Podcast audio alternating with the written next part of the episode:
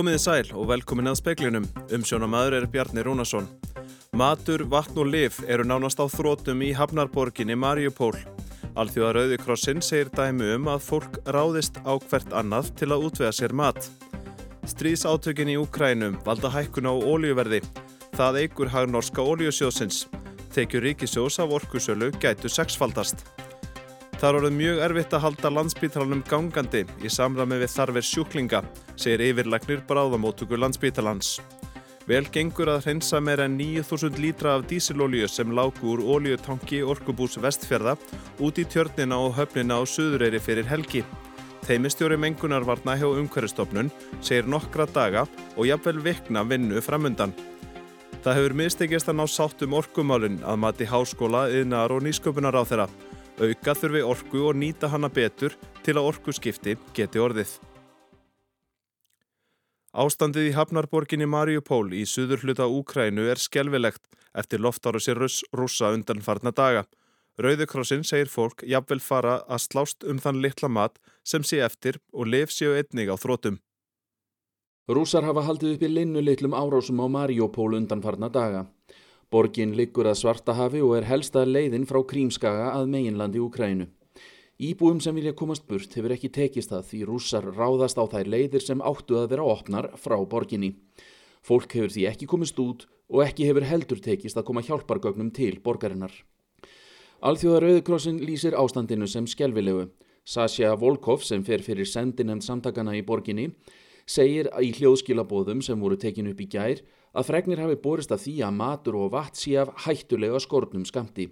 Margar fjölskyldur í engan mat lengur til að gefa börnum sínum. Sumstaðar sé staðanjabel þannig að fólk sé farið að ráðast hvert og annað til að verða sér út um mat. Einhver svartur markaður sé með grænmeti en ekkert kjöt sé neinstaðar í bóði. Að auki séu byrðar af livjumornar afar litlar.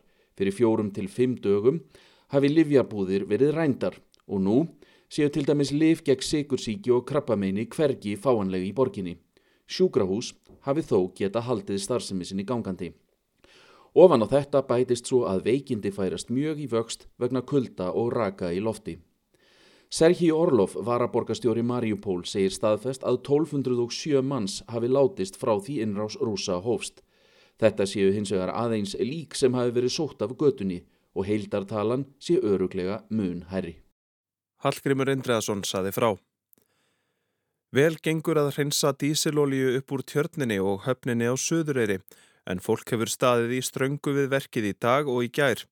Meira 9000 lítrar af ólíu lágu úr niður gröfnum ólíutanki Orkubús vestfjörða fyrir helgi og þaðan út í tjörnina og höfnina. Æðarfuglar hafa orðið illa fyrir barðinu og ólíunni og má vænta þess að hundruðir fugla hafi drepist vegna þessa. Nú er ljóst að minni jarðesmengun varð af lekanum en leit út fyrir og lúta því hreinsunar aðgerðir fyrst og fremst að vatninu. Notast er við skilju eða skimmer, vél sem sígur óljuna úr vatninu. Pilsur og ísoks mottur sjúa líka í sig óljuna og láta vatni vera. Sýriðu Kristinsdóttir er teimistjóri mengunarvarna hjá umhverju stofnun. Við erum núna að reyna að hérna, hemja ólíuna á ákveðin, sérst, hérna, króana af eins og hérna í sérst, þessu hodni, nota skimmer til þess að ná hennu uh, nota pulsur og ísóksmáttur sem virka mjög vel til þess að ná ólíunu upp og virka svona eiginlega betur heldur en skimmerinn og það er það sama í höfninni. Þannig að þetta er fyrst og fremst tjörnin og svo sjórin? Já, tjörnin og höfnin og það er bara að vinna og það verður vinna næstu daga og, og jafnvel kannski vikur. Þetta var Sigriður Kristinsdóttir í viðtali við Elsu Maríu Guðlaug Strífudóttur. Nánar verður fjallaðum ólíuleikan í sjónvarsfrettum klukkan 7. Ástandið á landsbítalanum og bráðamóttöku er mjög þungt þessa dagana, segir Hjalti Már Björnsson yfirleiknir á bráðamóttöku. Hann segir að COVID valdi miklu álægi, bæði vegna veiks fólk sem þurfi hjálp og smitast starfsfólks sem geti ekki mætti í vinnuna.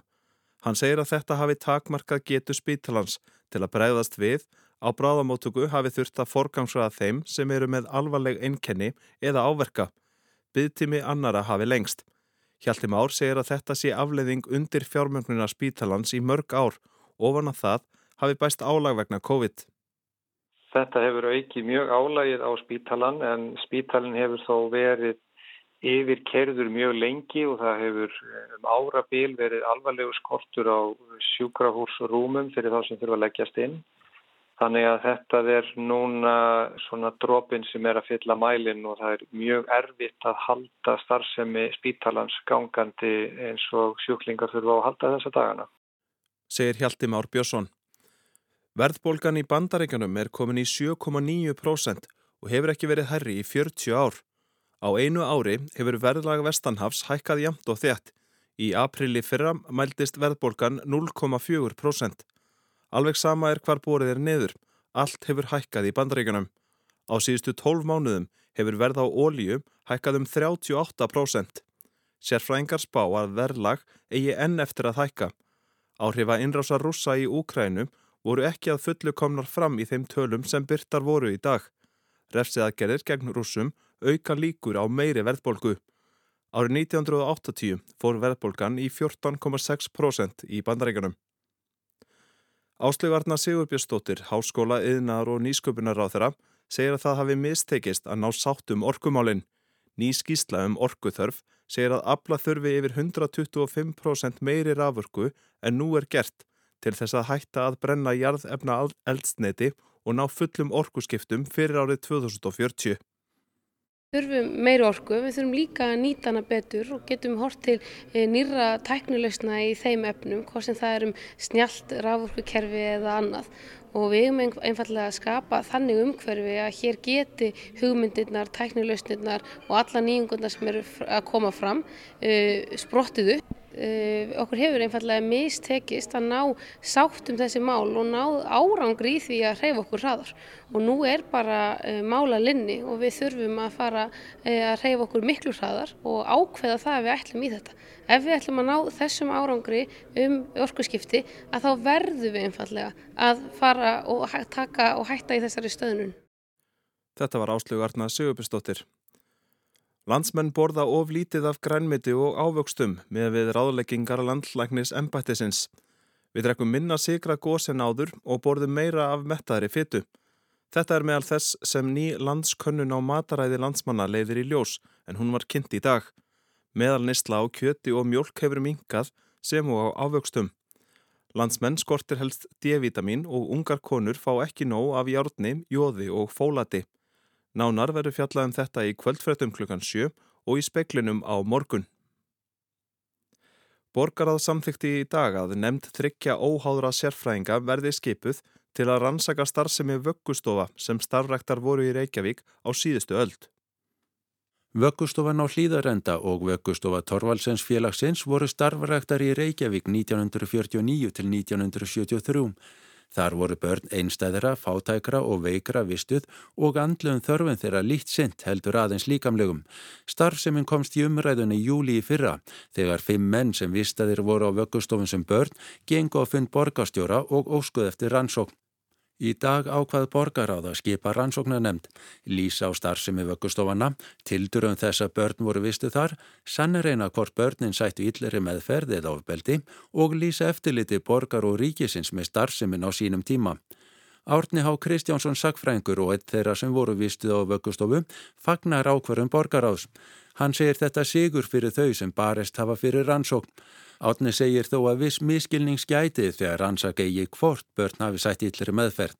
Eðli starfsáttana hafi ekki bóðu upp á annað en slæma meðferð. Brynjólfur Þór Guðmundsson saði frá. Stjórnendur streymisveitunar Spotify hafa ákveðið að fólk geti ekki lengur verið áskrifendur í Rúslandi vegna refsiðagerða gegn rúsum vegna innrásarinnar í Úkrænu. Refsiðagerðnar gerir greiðslur fyrir þjónustuna ómögulega fyrir meiri hluta nótenda í landinu. AFP hefur þetta eftir talsmanni Spotify.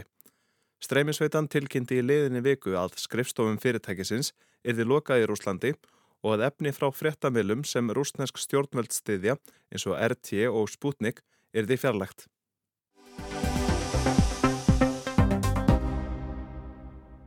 Í speklinum í kvöld, stríðsáttökin í Úkrænu valda hækkun á ólíuverði. Þetta eigur hag norska ólíusjósins. Tekjur ríkisjós af orkusölu gætu sexfaldast. Þá veltum við því upp hver ábyrð þeirra sem reyka vændis síður hér á landi er og hvort að lauruglan þurfi sérstök tæki til að berjast gegn glæpahópum á því sviði. Að lokum fjöllum við svo um hlutverk og aðkomu mæðra eftirlits varandi hormonaraskandi efni í umhverfinu. En fyrst til Norex. Stríðið í Úkrænum hefur valdið verulegri hækkun á ólju og gasi. Norðmenn hafa áhyggjur. Óvendir peningar velta inn í sjóðir landsmanna og engin veit hvað á að gera við þá. Tekur ríkisjóðs af orkusölu gæti sexfaldast. Gísli Kristjánsson reyfar hér hvað er til ráða. Tölurnar sem menn kunnugir oljumarkaði nefna eru óheirilega háar. Það er talað um markföldun og verði á gasi og olju vegna þess að sala á þessum orkugjöfum frá Rúslandi hefur dreyist saman og gæti alveg stöðvast. Viðskiptablaði dagins næringslíf hefur reyndi átta sig á þessu reknistæmi og niðurstaðan er að tekjur norska ríkisjóðsins af olju og gasi gætu sexfaldast á árinu. Fjárlög gera ráð fyrir að ef til vill er enni jafnverði 4.000 miljardar íslenskra króna í kassan. Spámenn segja að þessa tala gæti nálgast 25.000 miljardar. Þarna tala um þúsundir miljardar og engin veit hvað á að gera við peningana. Verð hefur nú þegar tvöfaldast og gæti hækkað enn. Það gæti líka lækkað snöglega.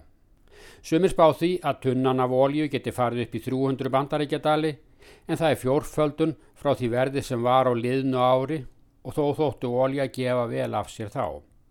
Gas hefur líka hækkaði verði og var þó orði mjög hátt fyrir í vetur vegna skorts á rafmagn í Evrópu. Fyrir jól var talað um fimmföldun á verði gas. Ef rúsnest gas hverfur alveg að markað í Evrópu þýðir það enn meiri hækkun. Allt þetta leiði til markáttaðra vandamála. Almenningur hér er þegar farin að finna fyrir hækkununum. Núna bjóða bensinstöðvar sína vöru á 27 norskar krónur lítirinn. Það eru nær 400 íslenskar krónur. Þetta fer ekki fram hjá ögguþórum þessa lands þegar þeir standa við bensíndælutnar. En á hinbóin er auðlindagjald ríkisins af ólí og gasvinnslu bundið við prósentur af seldri orku á heimsmarkaði. Það þýðir að stríður ströymur er á peningum inn í hinn ágæta ólíusjóð. Umfram gróðin þar getur hlaupið á þúsundum miljardar. Engin veit þó hver þróunin verður. Eitt sérfræðingunum segir að það eitt sé vitað að verðið á eftir að sveiplast mikið næstu mánuði. Það ræðist að framgangi stríðsins í Júkrænu og hver eftirköstin verða fyrir rúsneskan efnahag. Verða efnahagsþvinganir varanlegar.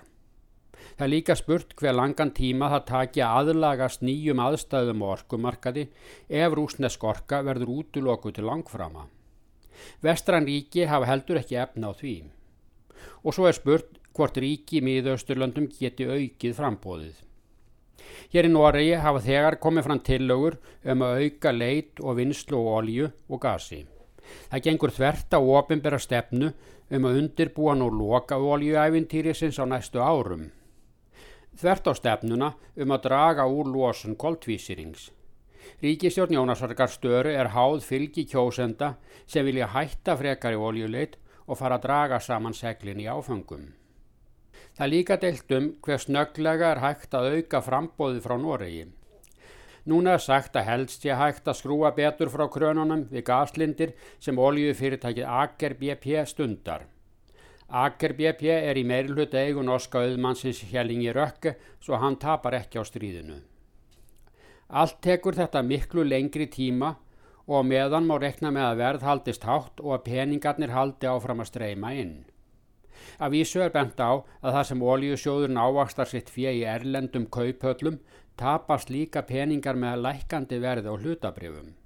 Það sem rennur inn í sjóðin rennur út á Wall Street. Gróðin vegna stríðsins veldur líka siðfræðilegum áhyggjum. Ógnar atbyrðirnir í Úkrænu leða til þess að verð hækkar. Þá er spurning hvort ekki að deila þessum gróða með þeim sem líða nú vegna átakana og til að hjálpa við við uppbyggingu þegar stríði líkur. Á þetta hafa bæði lærður og leikir bent en ekkert er ákveðið. Svo er líka þeir sem segja að fyrst verða bæta fólki hér heima upp tjónið sem hækkandi verð á ólíu og gasi veldur. Í allan vetur hefur raforkuverð verið í hæstum hæðum og það hluta fengist bætt frá ríkinu. Núna er bensínverð rokið upp úr öllu valdi. Tryggvi Slagfóld Veðum, fjármálar á þeirra, hefur sagt að við svo verði ekki búið til lengdar. Hann hefur hins vegar ekki gefið fyrirheit um að ríki standi fyrir verðlækkun. Útgerðarmenn kvarta líka, fiskiskipin eru algjörlega háð olju og það tekur langan tíma að skipta yfir í aðra orkugjafa, bæði á sjó og landi.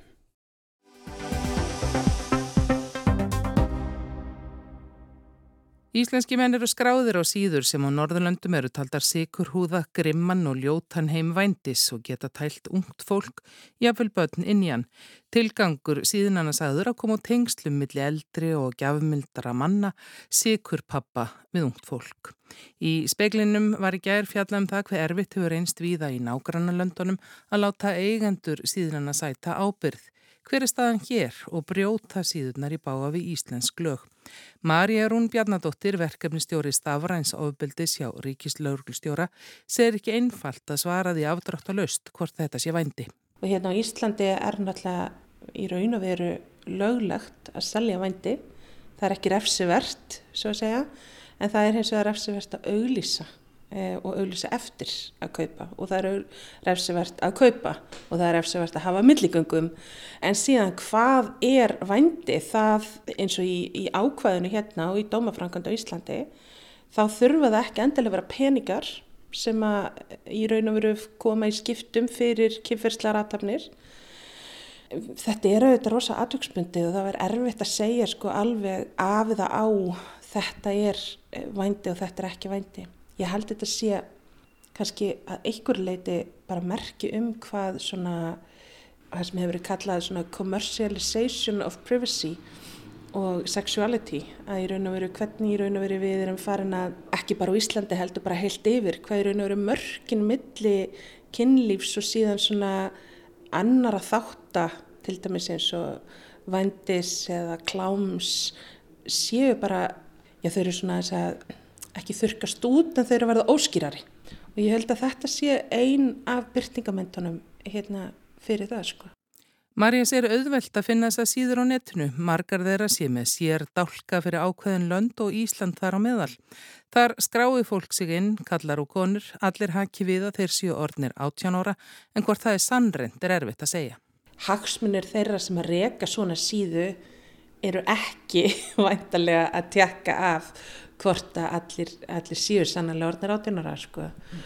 það var, ég minna það eru til dæmis til rannsóknir og heimildamindi varandi OnlyFans hérna frá Breitlandi sem á verið gerðar 2019 og 20 og þá var alveg ljósta sko, þó að skilir þið OnlyFans voru að þú þurftir að vera átjónara þá voru fullt fullt af eh, ungum konum og stelpum sem voru að selja efni gegnum OnlyFans sem voru ekki orðnar áttunara og eftir þetta þá, þá veit ég að sko OnlyFans fór aðeins í að e, gera eitthvað meira í að svona e, tjekka af.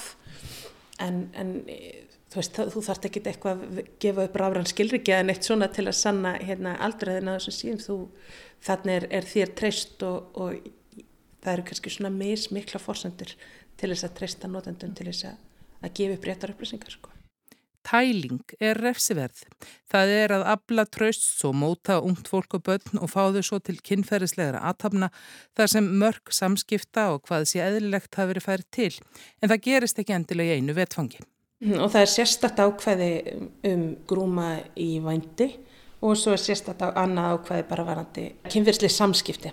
Það er ákveði svona grúming menning og, og við höfum séð e, bæði dæmi um það þar sem að það sem er ekki í svona gegnum svona sjúkadeitingssíður en, en það sem eru um, brotaþólar sem eru að eiga kynferðsli samskipti við þá sem er að brjóta gegn þeim. Og það er einmitt, það, það byggist upp, það, það byrjar smátt og það byggist upp smátt og smátt yfir lengri tíma og við erum að sjá dæmi um kannski stelpur sem hafa verið að standa í svona samskiptum yfir lengri tíma jafnvel, þú veist, einhver ár. Og þær eru samt ekki orðnar átjónara sko, þegar þetta hérna kemst upp. Og þá eru við líka með stöðu þar sem að sko viðkomandi er upplifir að hann sé einhvers konar tröst sambandi gagvart þeim sem er samt að brjóta á hann og það er mjög flókið að í raun og veru svona skilja þarna á milli. Og það er einmitt dæmið þar sem þú segir að þetta er grúming þar sem er raun og veru búið að eh, svona markvist yfir lengri tíma færa til mörkin hjá viðkomandi um hvað sé ásættalagt og, og hvað sé svona eðlilegt í, í samskiptum allavega við þennan tildekna aðeila. Þetta getur auðvitað haft langvarandi áhrif út fyrir bara ofbeldið. Þó að þetta séu kynjuð brot þar sem oftar er brotið gegn stelpum, þá segir Marja líka brotið gegn strákum og það ekki síður alvarlegt. En að síðunum, þeir sem þær reyka beraði við að þar verða eins til tenging millir fólks, það sem síðar gerist sé ekki þeirra og það er nú business model á baku interneti sko sem að gera þetta svona mikla gullnámu er að þú berð ekki ábyrð þegar, þetta, þegar þú ert með síður sem að byggja á svona það sem er kallað svona efni frá þriðjaðila og það er oft kallað svona user generated content eða sem efni sem verður til af, með notendum.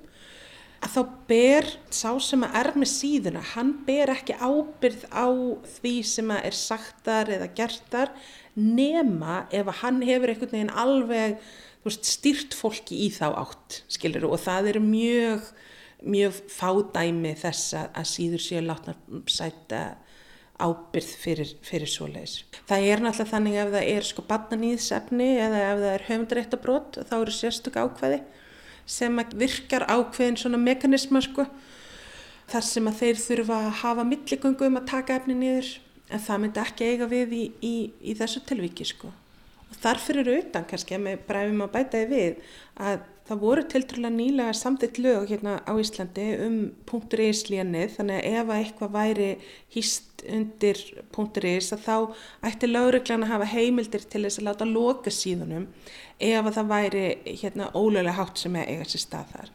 En síðan eh, er í raun og veru því frumvarfi breytt í meðfram þingsins þannig að til þess að eh, þessi í raun og veru heimild lauruglan virkist að þá þarf það sem er að eiga sér stað á síðan að varða við sex ára refsingu í minnsta.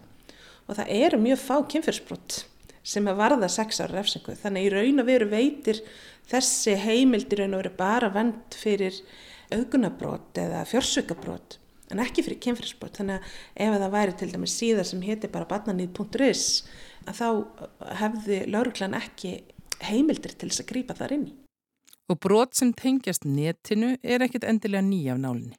Og það er kannski svona eina af áskorunum þegar maður fást við svona stafran brot er að átt okkur á hvar þetta eru í raun og veru brot sem eru bara, bara þetta er bara ný byrtingamind og þá þurfum við ekkit endilega kannski að hugsa sko allt dæmið upp og nýtt svo að segja, þú veist, bara nú erum við að fástu nýja tegunda brotum og erum að eitthvað, hérna, heldur að hugsa sko, þú veist, hvernig eru þetta gömul brot sem er að byrtast í, í nýjum búningi, að hvað leiti duga þau úrræðir sem við höfum nú þegar til þess að taka á þessu? Og að hvað leiti þurfum við nýjar og, og breyttar heimildir? Og það auðvitað eru ákveðin brot uh, og ákveðin svona hátsemi sem að sem að krefst þess að lauruglan fái ákveðin valdheimildir sem hún hefur ekki núna og ég held að það verði áriðandi að, að, hérna, að fara að stíga inn í það samtal og svo erum við líka með eins og svona hinn endan í raun og veru þar sem að samfélagslegu viðmiðin er að færast til uh, og við þurfum að finna einhvern veginn hvernig laugin passa við það og, og, og framkvæmla hana ekki síst. Saði Marja Rún Bjarnandóttir. Anna Kristín Jónsdóttir rætti við hana.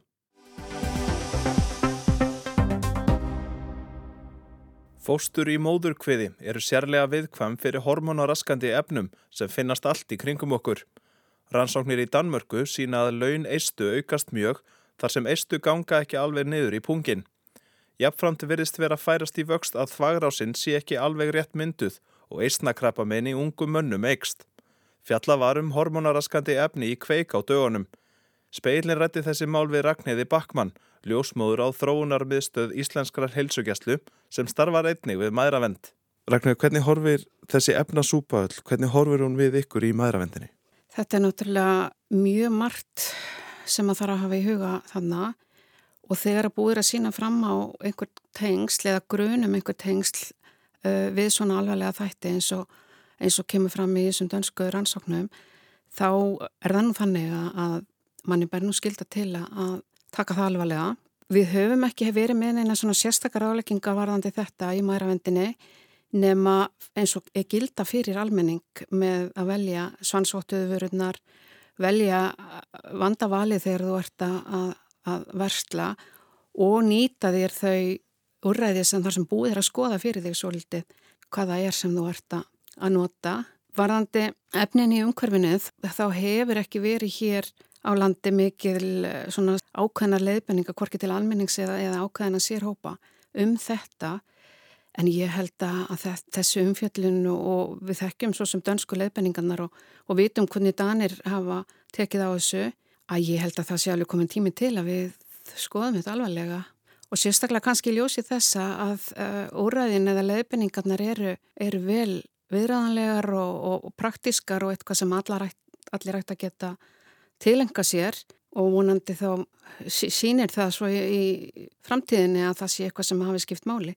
Maður heyrir oft hjá verðandi maðurum að þær fá alls konar leifinningar um fæðuval og að sniðganga ymsa fæðu að því að það geti, geti verið skadalegt fyrir, fyrir fóstur og, og þeirra, þeirra helsu. Er eitthvað til skoðunar að um, auka fræðsluna gagvart þessum hormonaraskandi efnum á sambarlegan hátt og það er varað við ymsum fæðutöfundum. Já, það er alveg eitthvað sem okkur ber skilda til að skoða. Við erum að, að yfirfara og gera nýja leifinningar eða taka saman nýja leifinningar um aðravend almennt fyrir okkur hér á landi og þetta er eitt þáttur sem kemur alveg klárlega þar inni og þá í samfunnu við þær stopnarnir sem hafa með þetta að gera. Eh, Alþjóðsandök fæðinga og hvern sjúkdómalagna þau segja hormonraskandi efni eiga þátt í miljónum döðsfalla á ári hverju og kostar samfélagið miljardar dollara. Á þetta við raukast íðast? Alveg öruglega að einhverju leiti. Það er alveg öruglega einhver tengslatna á, milli en það er líka alveg nokkuð ljóst að það er ekki bara uh, þau efni sem við vitum um nú þegar sem að geta haft þessi áhrif. Það er öruglega margt fleira í okkar umhverfi og, og í eiginlega í okkar bara lífsháttum sem að stuðla að þessu. En það, það er líka í þessu margt af því sem að tengist eins og, og taugaþróska batna í móðurkveði tengist líka mataræðinu og, og þar eru við kannski komin lengra í okkar ráleggingum, kannski vegna þess að þar eru til meiri upplýsingar sem staðfesta þessi tengsl. Það kom fram í þættinum á þriðdaskvöld hjá Kveik að eh, það var kallað eftir, eftir aukinni fræðslu til mæðra og foreldra hvað þessi efni varðar. Er ekki ástæða til þess að, að bæta í? Algjörlega, algjörlega samála því og þetta er eitt af því sem við mun klárlega að skoða í okkar leifbenningum sem við erum að, að vinna í alveg klárlega. Eins og ég sagði held ég hafa nefnt hérna á þann að kannski ekki síst í ljósi þess að þessar ráðleggingar eru, eru einfaldar og auðvelt að fara eftir þeim. Og í svona tilveikum mætti maður alltaf að láta ófætta barni njóta vamans, ekki alltaf býð eftir gallhörðum, beinhörðum sönnunum og það eru konan á vísbendingu til þess að, að þetta er eitthvað sem við ættum að taka alvarlega. Við erum tengt þessu að skoða frekar núna efni kvikasilfus í blóði barsafandi kvenna. Það er sam Evrópsk rannsókn sem er í gangi og, fara að koma niðurstöður. Það hefur aldrei verið mælt hér hjá okkur. Við höfum alltaf miða við niðurstöðu annar staðar. En núna er verið að skoða það og það er svona pínulítið langi sem tengist þessu. Þannig að við erum að taka kannski skref í þessa átt en, en varðandi þetta sem fjalla varum í þættinum að þá held ég að það sé alveg tímabært að taka það alvarlega og, og breyta okkar eða bæta við okkar ráðleggingar. En maður svona aðeins dregur út linsuna og, horfir aðeins bara lengra aftur í tíman. Er svona samfélagsbreytingin nú er ekkert langt síðan að við vorum bara fólk bjó í mun svona óhreitna umhverfi og, og fæðingar fóru fram við mun frumstæðari aðstæður. Mm. Þessi breytinga, þessi aukna notkun á, á plasti og þetta mikla aukna hreinleiti og sótrensun, er hún að hafa eitthvað fylgifiska í förmið sér fyrir fórstuð þróska? Ég veit það ekki, en við, hins vegar vitum við það að útkoman sjálf í mæravendinu heilsa móður og bars bæði á meðgangu í fæðingu og eftirfæðingu, þar höfum við tekið risastakk fram á við.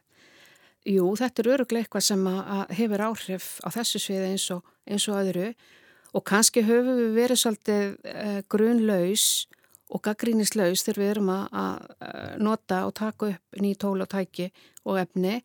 Það vil gætna vera þannig að það verður mikil nótkun, síðan fara að vakna grunnsemtir og þá dregur úr því og svo náum við einhver jafnvægi og það er kannski það sem við uh, eigum eftir að ná í þessu málaflöki.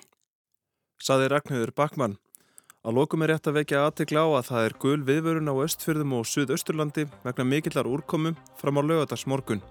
Fleira er ekki í speklunum í kvöld, tæknum að það var Mark Eldredd, stjórn frétta átsendingar, anaðið Valgerður Þorsteinsdóttir. Verðið sæl.